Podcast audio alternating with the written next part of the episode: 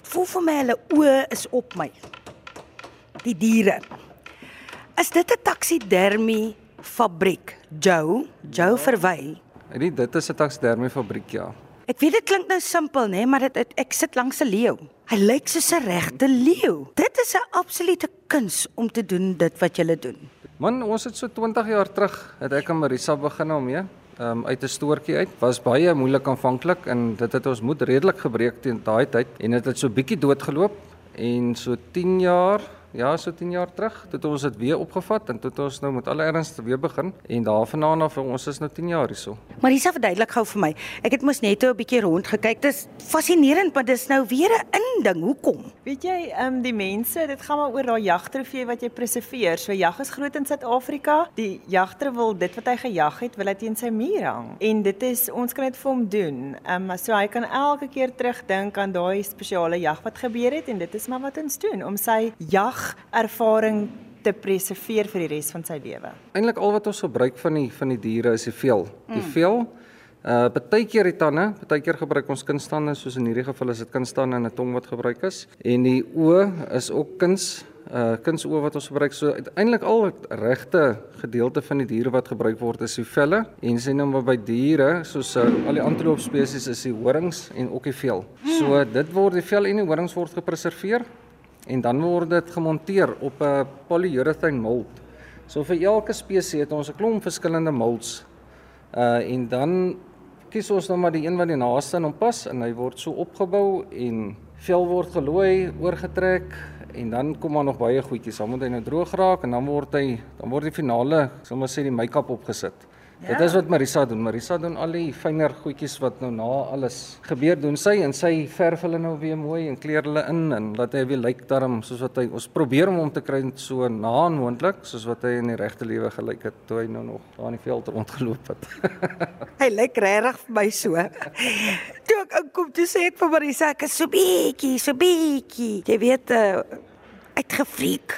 Dit het my so bietjie skrik gemaak. Hoe doen jy daai daai hele ding met die verf en so.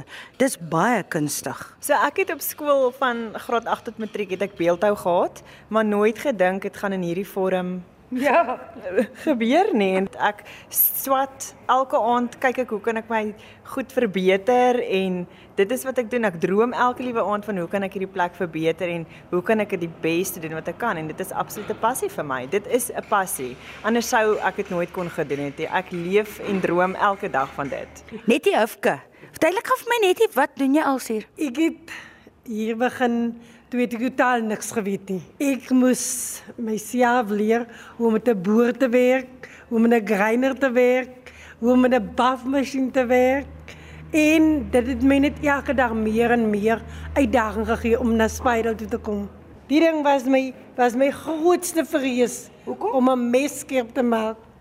Om 'n messkeep te maak is 'n verskriklikheid.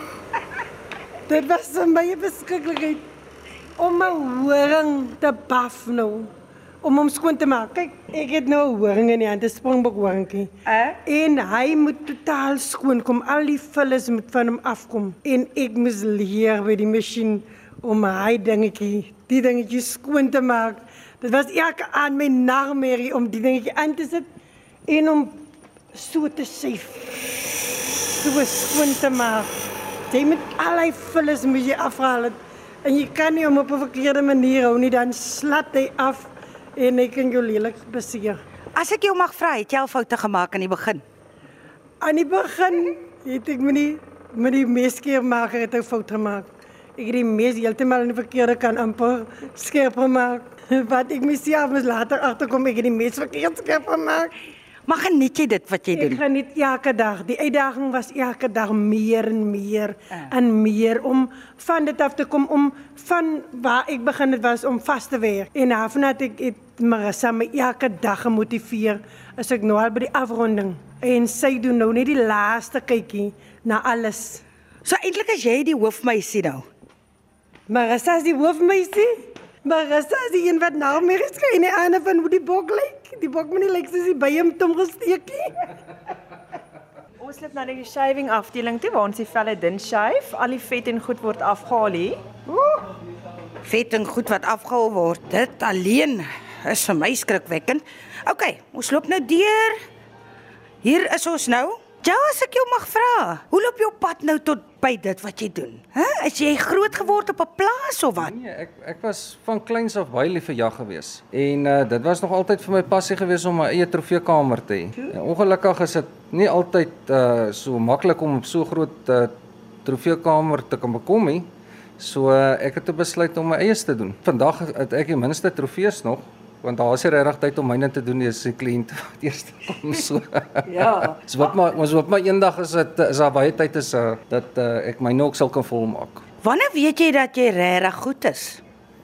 Nee, dis 'n baie moeilike vraag. Nee, dis 'n baie moeilike vraag. het jou. Die groot die grootste ding vir ons is om ons kliënte gelukkig te hou en dat die lekkerste is as ons kliënte terugkom elke jaar en hulle kom met hulle nuwe spesies terug wat hulle gejag het, dan weet ons ons het die werk reg gedoen. As hy wegbly is dit dan weet jy jy was jy's 'n bietjie van die pad af, jy moet bietjie harder werk. As jy nou moet dink Marisa, uh van waar mens foute kan maak. Dit is vir my besonder. Ek kyk net na al die ek weet nie wat om dit te noem nie. Ek wil sê diere die hele tyd, maar maar trofee. Ek bly dink die leeu gaan my enige tyd hap of jy weet die bok gaan my skep. Dat kyk hy, hy gaan baie moet skep met daai horings van hom. Hoe kry julle dit reg om dit so volmaak te doen man? Dit is regtig ongelooflik.